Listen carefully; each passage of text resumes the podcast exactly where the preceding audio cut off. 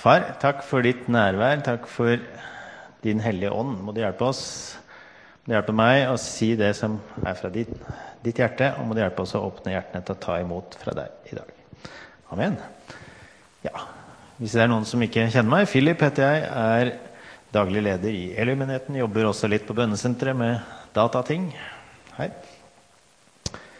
Yes. For et par-tre uker siden så kom det opp et spørsmål, et tema, som jeg kjente at jeg skulle gå dypere inn på i dag. Guds nærvær.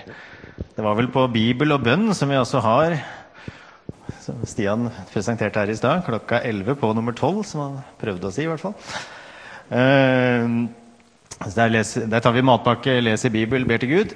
Veldig fint. Men i hvert fall så kommer vi inn på dette her med at vi har møter eh, hvor vi søker Gud, og hvor vi i ulik grad opplever eller ikke opplever Guds nærvær.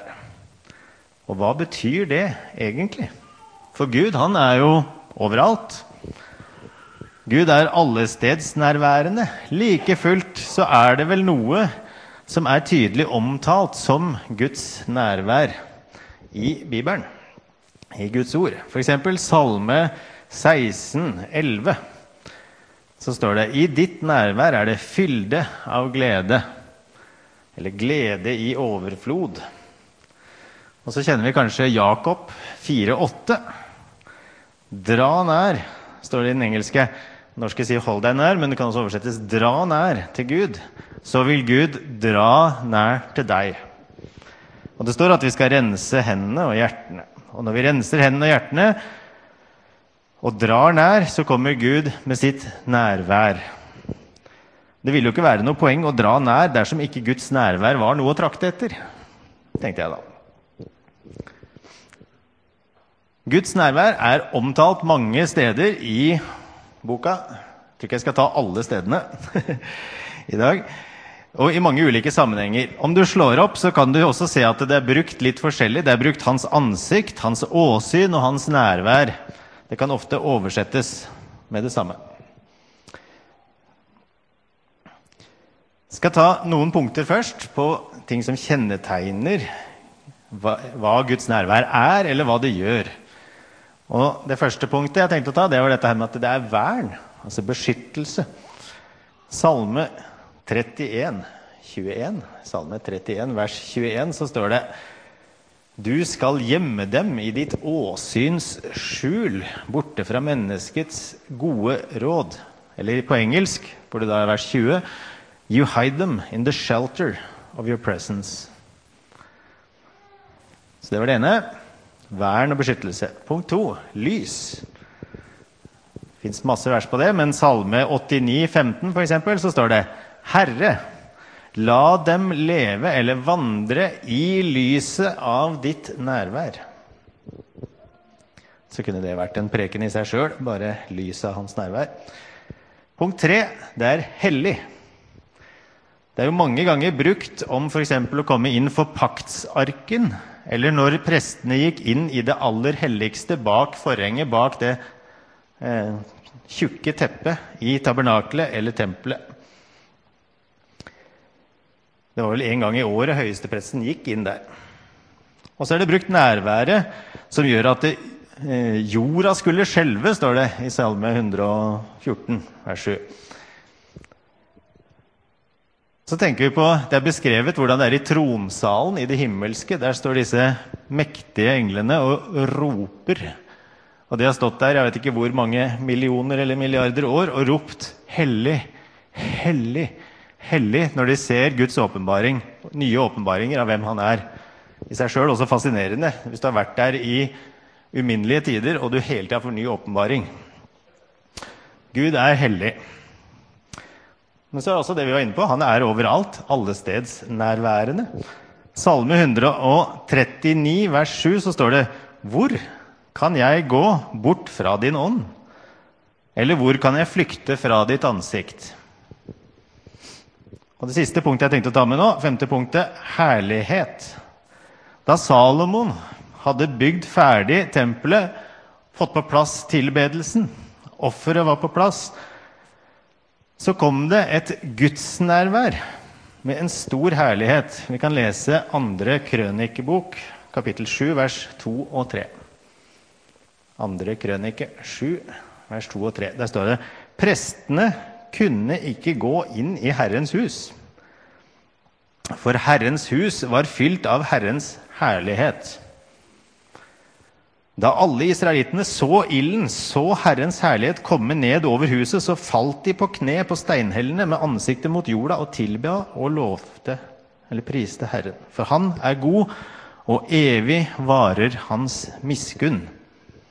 Ja, så disse fem orda, disse beskrivelsene, altså beskyttelse, lys, hellighet, at han er overalt, at han er herlighet, det er ikke noen uttømmende liste over hva som kjennetegner Guds nærvær. Det er en liten sånn smakebit, kan vi kanskje si. I dag ønsker jeg å se nærmere på den delen av Guds nærvær som forvandler oss. Gud er jo overalt, alltid, ja.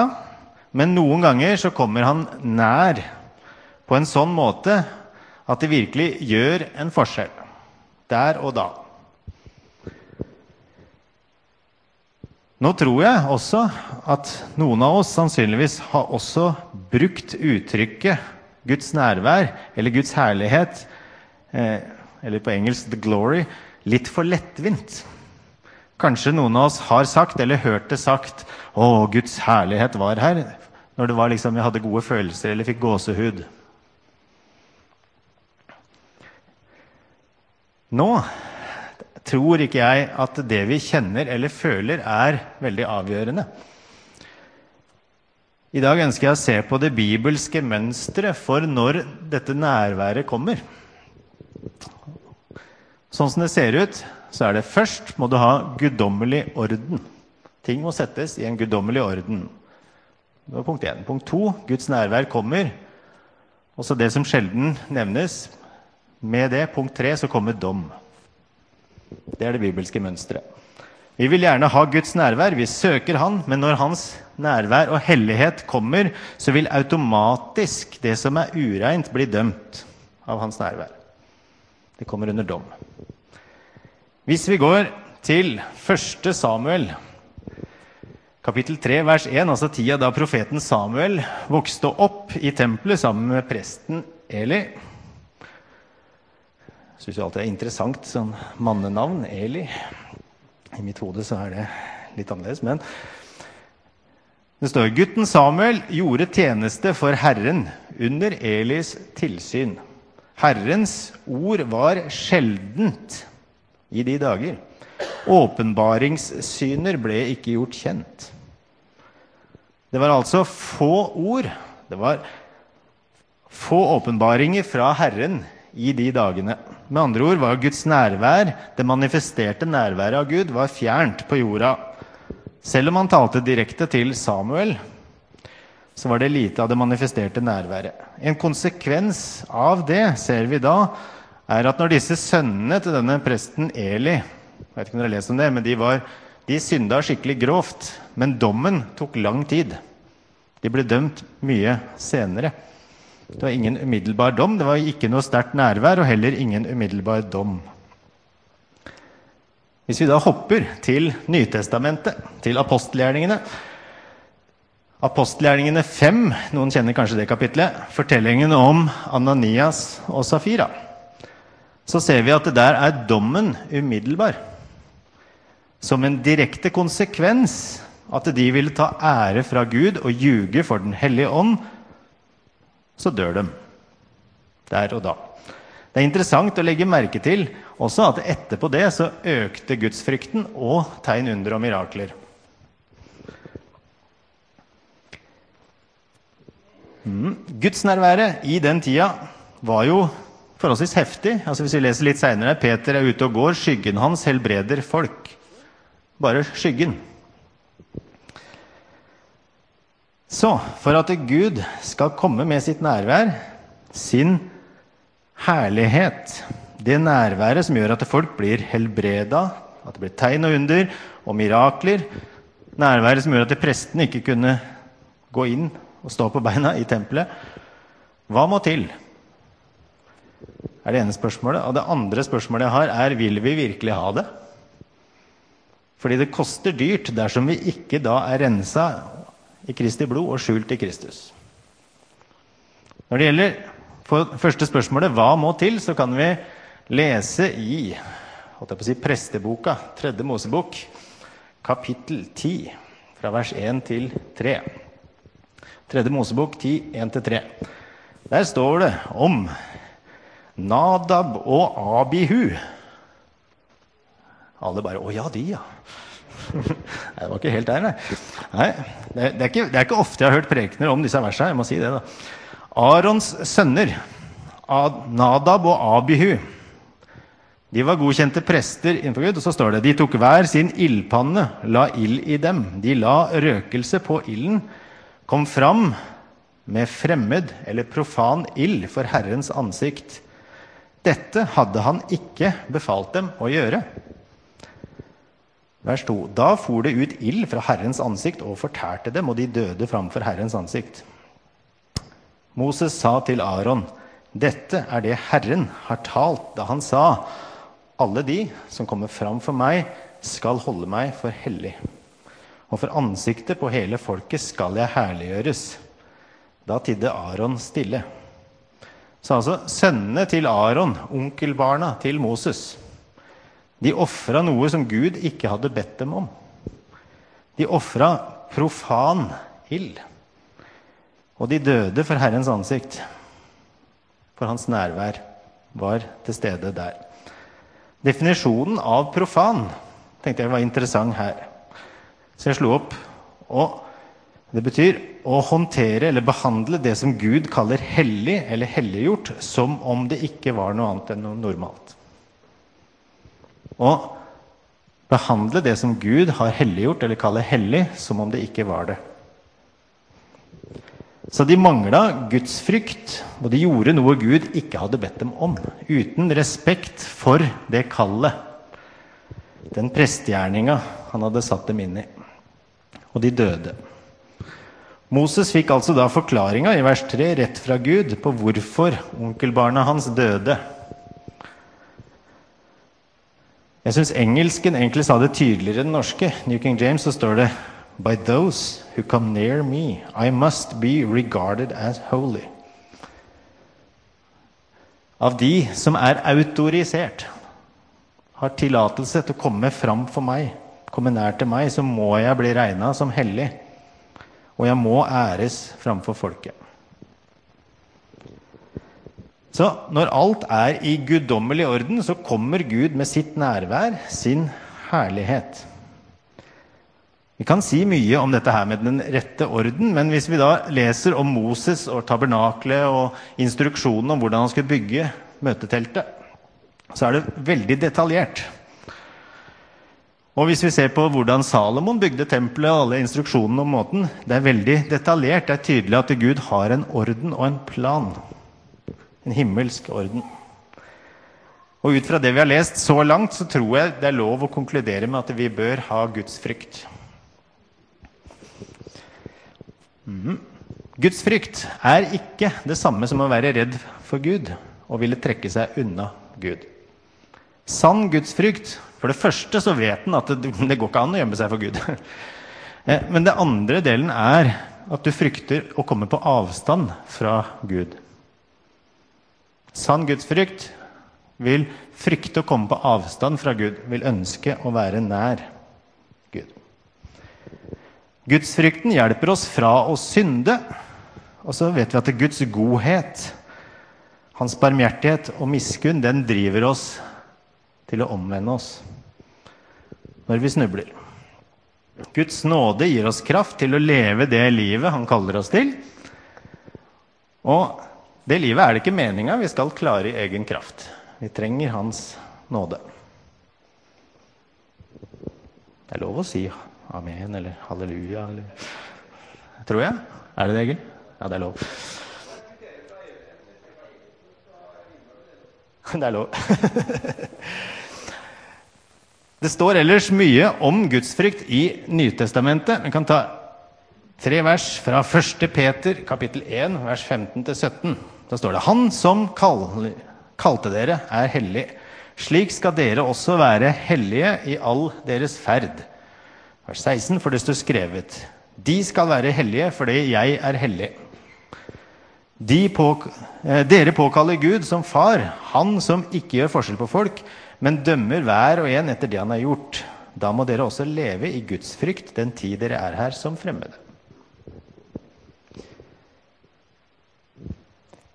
Ja, jeg syns alltid det er så fascinerende med å tenke på hvor mange ganger det står 'frykt ikke'. Også i da, når Gud, Israelsfolket ved Sinai med Moses møter Gud, så sier Gud 'frykt ikke, Gud har kommet for å gi dere frykt', slik at dere ikke synder. Så det er forskjell på å være redd for og det å ha sann gudsfrykt. Sann gudsfrykt er redd for å komme på avstand og vil holde oss fra å falle. Så hvordan ser guddommelig orden ut i dag? Hvis det er sånn at vi må ha en guddommelig orden for at Guds nærvær skal komme manifestert. Jeg vet ikke om jeg har det fulle svaret, men hvis vi leser i apostelgjerningene, kapittel 2, pinsedag, så ser vi at de som var på den øvre salen, som var samla Det står at de var samla på samme plassen, og de var samstemte. Jeg syns den beste oversettelsen er, A New King James på engelsk, som sier 'they were all with one accord in one place'. Altså som én akkord på ett sted. Hvordan hadde det seg at disse var samstemte, de som satt på den øvre salen? Jeg lurte litt på. Hva var den enheten de hadde? Hvordan så den ut? Så jeg setter for meg at eh, vi kan se for oss at det kanskje var 500 stykker som møttes først. Jesus hadde sagt 'gå dit og be og vent'. Så er det kanskje 500 i starten, og så etter ei stund det begynner å gå en del dager. Så kanskje det var mange som ah, 'nei, men jeg må tilbake på jobb', eller 'jeg kan ikke bare sitte her, få dra ut på misjonstur'. Eller jeg vet ikke, jeg. Jeg bare prøver å se for meg at det er de som satt igjen, kanskje de 120, at det var de som var døde for sin egen agenda, sine egne ambisjoner, sine egne drømmer og sine egne mål. De hadde bare én ting. Ett løfte. Og det var å vente. Gå og be og vent. Så det var det de hadde igjen. Så kom Gud. Kom Den hellige ånd. Vi ser det samme i Matteus 10, 22. Jesus sier at 'den som holder ut til enden, skal bli frelst'. Når Jesus blir herre i livet vårt, så finner vi styrken til å gå på veien ved at vi frivillig gir opp og legger ned livene våre. Omvendelse og overgi seg til Gud er ikke bare den enkle om du har en god følelse, rekke opp en hånd. Det er å overgi seg til Han som Herre, legge ned sitt eget liv og følge Han. Vi er kalt til å gjøre disipler ikke konvertitter. Med den enheten så ble det en guddommelig orden på pinsedag. Og herligheten kom ned. Vi leser i apostelgjerningene 2,43. Hver og en ble grepet av ærefrykt, og mange var de under og tegn apostlene gjorde. Så ser vi jo det vi var inne på, Ananias og Safira i kapittel 5 skjer. Det kommer mer gudsfrykt og mer tegn, under og mirakler. Så kommer spørsmålet mitt trenger vi å frykte å komme under dom. Når vi er skjult i Kristus, så er vi ikke under dom. Når jeg er tilgitt og fri, så er jo alt bra. Så kommer det vanskelige, litt store spørsmålet. Hva skjer når jeg blir støtt såra, krenka. Hva hender når min bror synder mot meg? Hvis f.eks. Stian er, sitter laglig til for hogg her. La oss si at Stian gjør noe veldig kjipt, veldig vondt mot meg. Fysj.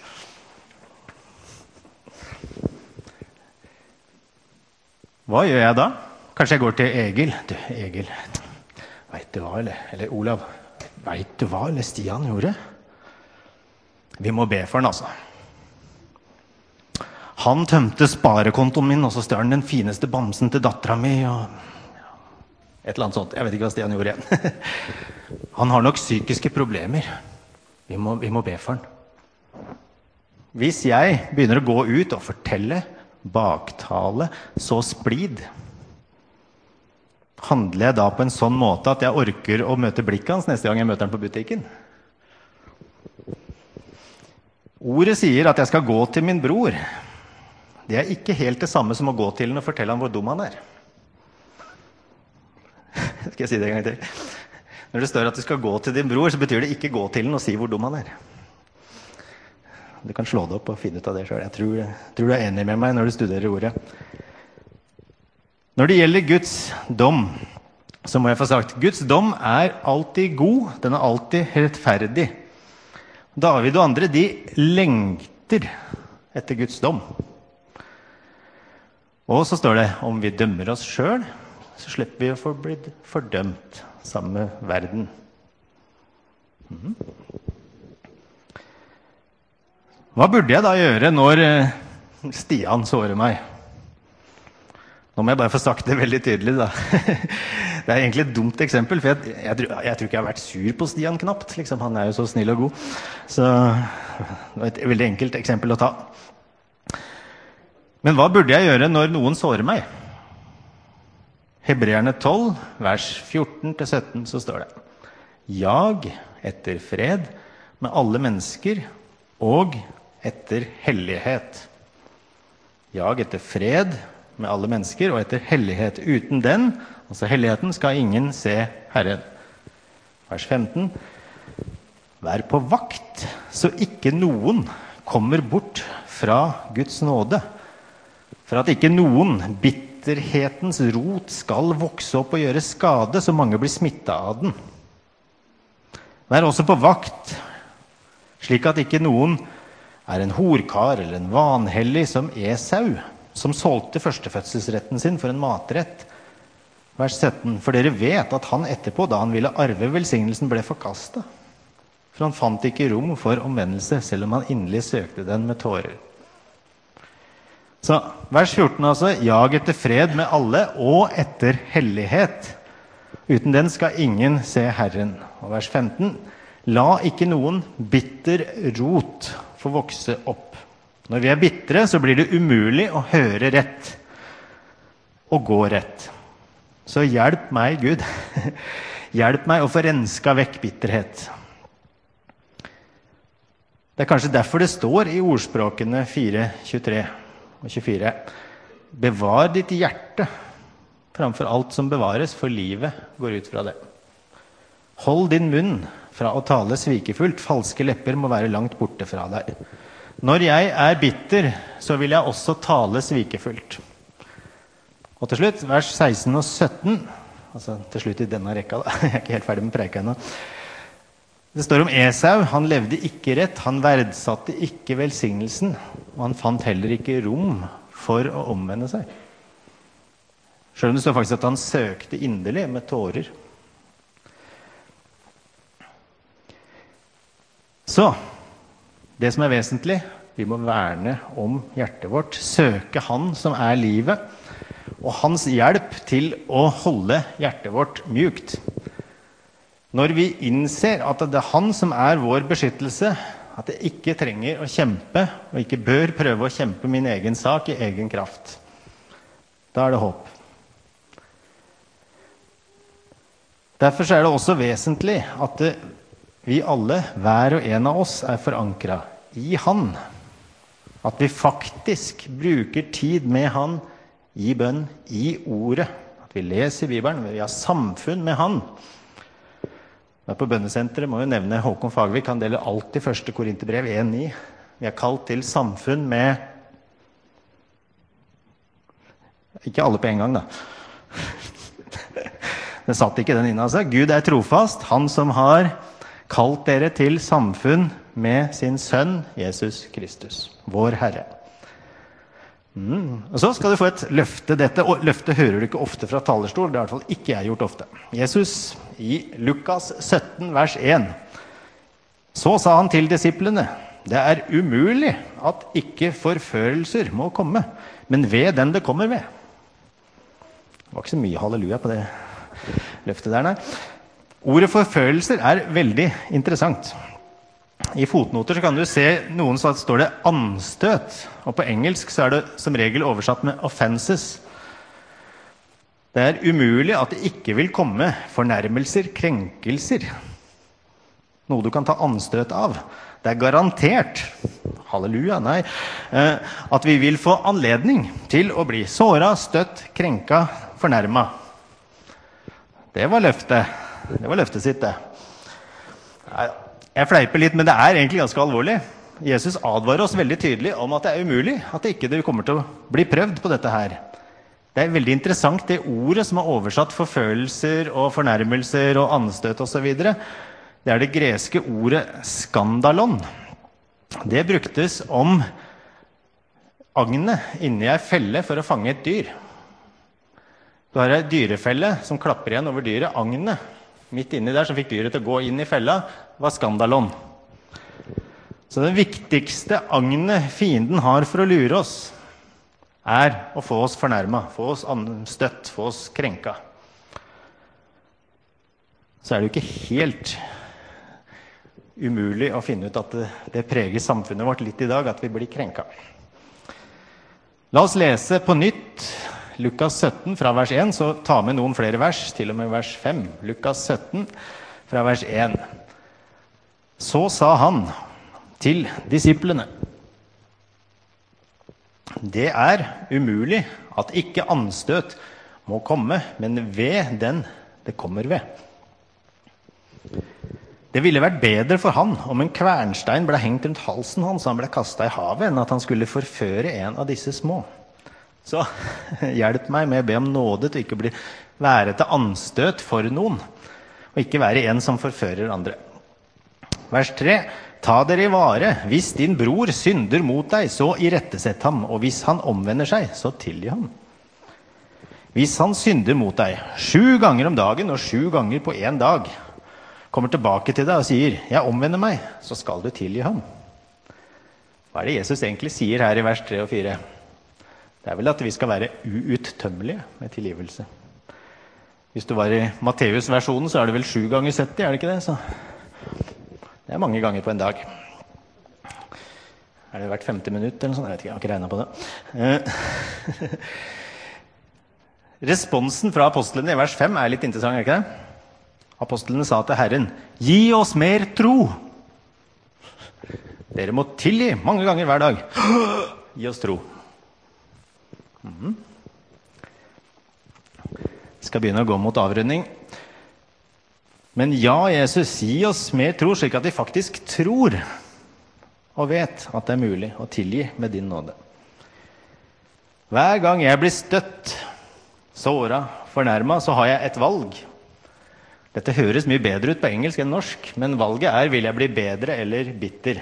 På engelsk better or bitter. Det ser ut som klinger bedre på engelsk. Men det er jo sant. Hver gang jeg blir såra, så har jeg et valg.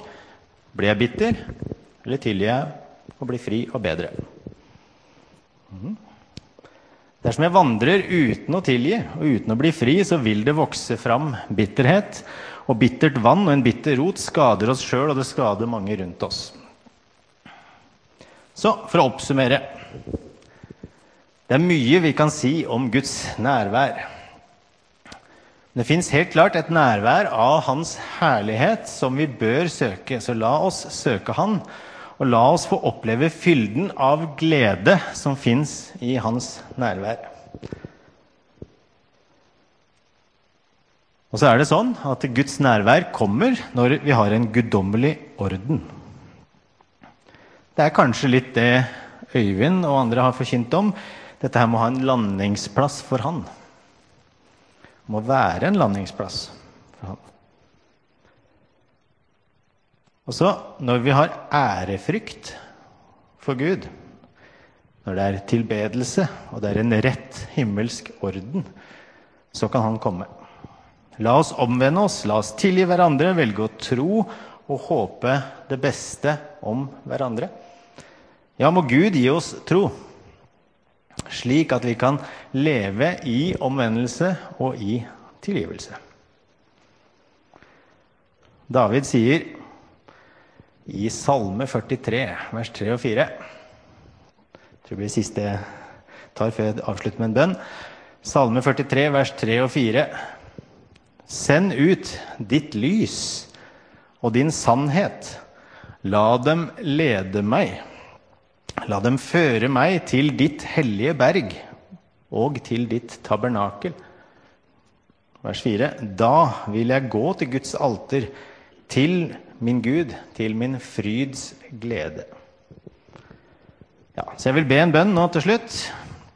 Om du kjenner at du også trenger det, så kan du være med. Jeg tror det er lov å til og med si amen høyt eller lavt. og Litt av hvert. Kjære himmelske Far. Kjære himmelske Pappa. Takk, Jesus. Og kjære Hellige Ånd. Tusen takk for din enorme nåde, og takk for at din nåde er nok. Takk for at din nåde er uuttømmelig, at den aldri går tom. Takk for at du vil fullføre det verk som du har påbegynt i hver enkelt av oss. Takk for at du har en god plan, og at jeg kan stole på deg også når jeg ikke forstår den veien du leder meg på. Ja, kjære pappa, vekk i meg, vekk i oss, mer tørst og lengsel, slik at, aldri, at vi aldri vil slå oss til ro med kompromiss og halvveisløsninger. Jeg lengter så etter mer av din synlige kraft, ditt nærvær, din herlighet i livet, i familien, i menigheten, i din kropp. La meg, la oss få se din herlighet. Ja, far, vi ønsker å bli rensa, så hjelp meg, og hjelp oss å se. Hjelp oss å få avslørt med ditt lys alle reaksjoner som er utløst av bitterhet, og at jeg har blitt såra og krenka og sånne ting. Eller at jeg har tatt anstøt. og du avslører det? Jeg kommer nå inn i ditt lys. Vi kommer inn i ditt lys. Vi erkjenner at vi er skyldige. Og vi ønsker å omvende oss, og vi ber om tilgivelse for vår synd. Vi tilgir de som har synda mot oss, som har såra oss og krenka oss og sånn.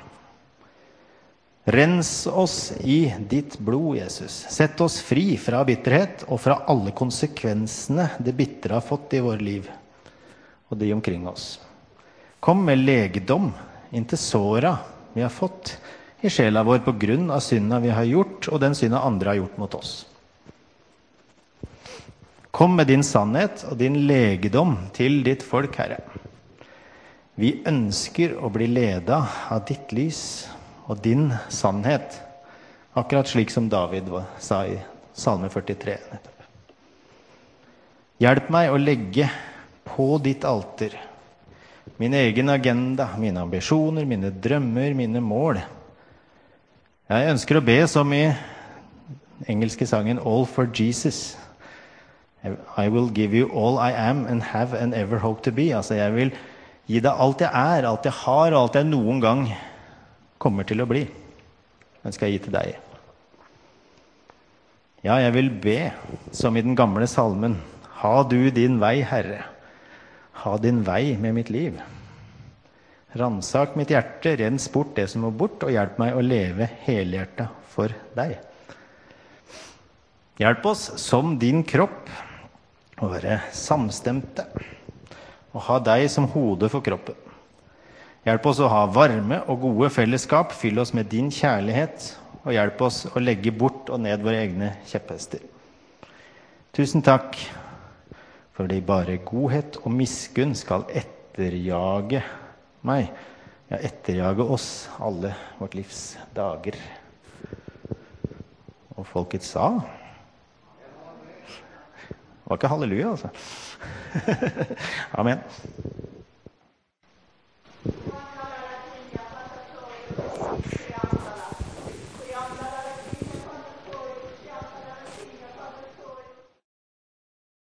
Jeg ønsker at dere skal se at dere ikke strekker til i dere sjøl, men at dere er avhengig av meg. Fest blikket på meg, og du vil bli likedanna med mitt bilde. Kom innenfor meg, og du vil bli forma og danna av meg. Når min ånd får slippe til i ditt indre, så vil du på overnaturlig vis bli i stand til å respondere sånn som jeg responderte da jeg gikk rundt på jorda. Når min kjærlighet får slippe til i ditt hjerte, så kan du være i stand til å elske med min kjærlighet.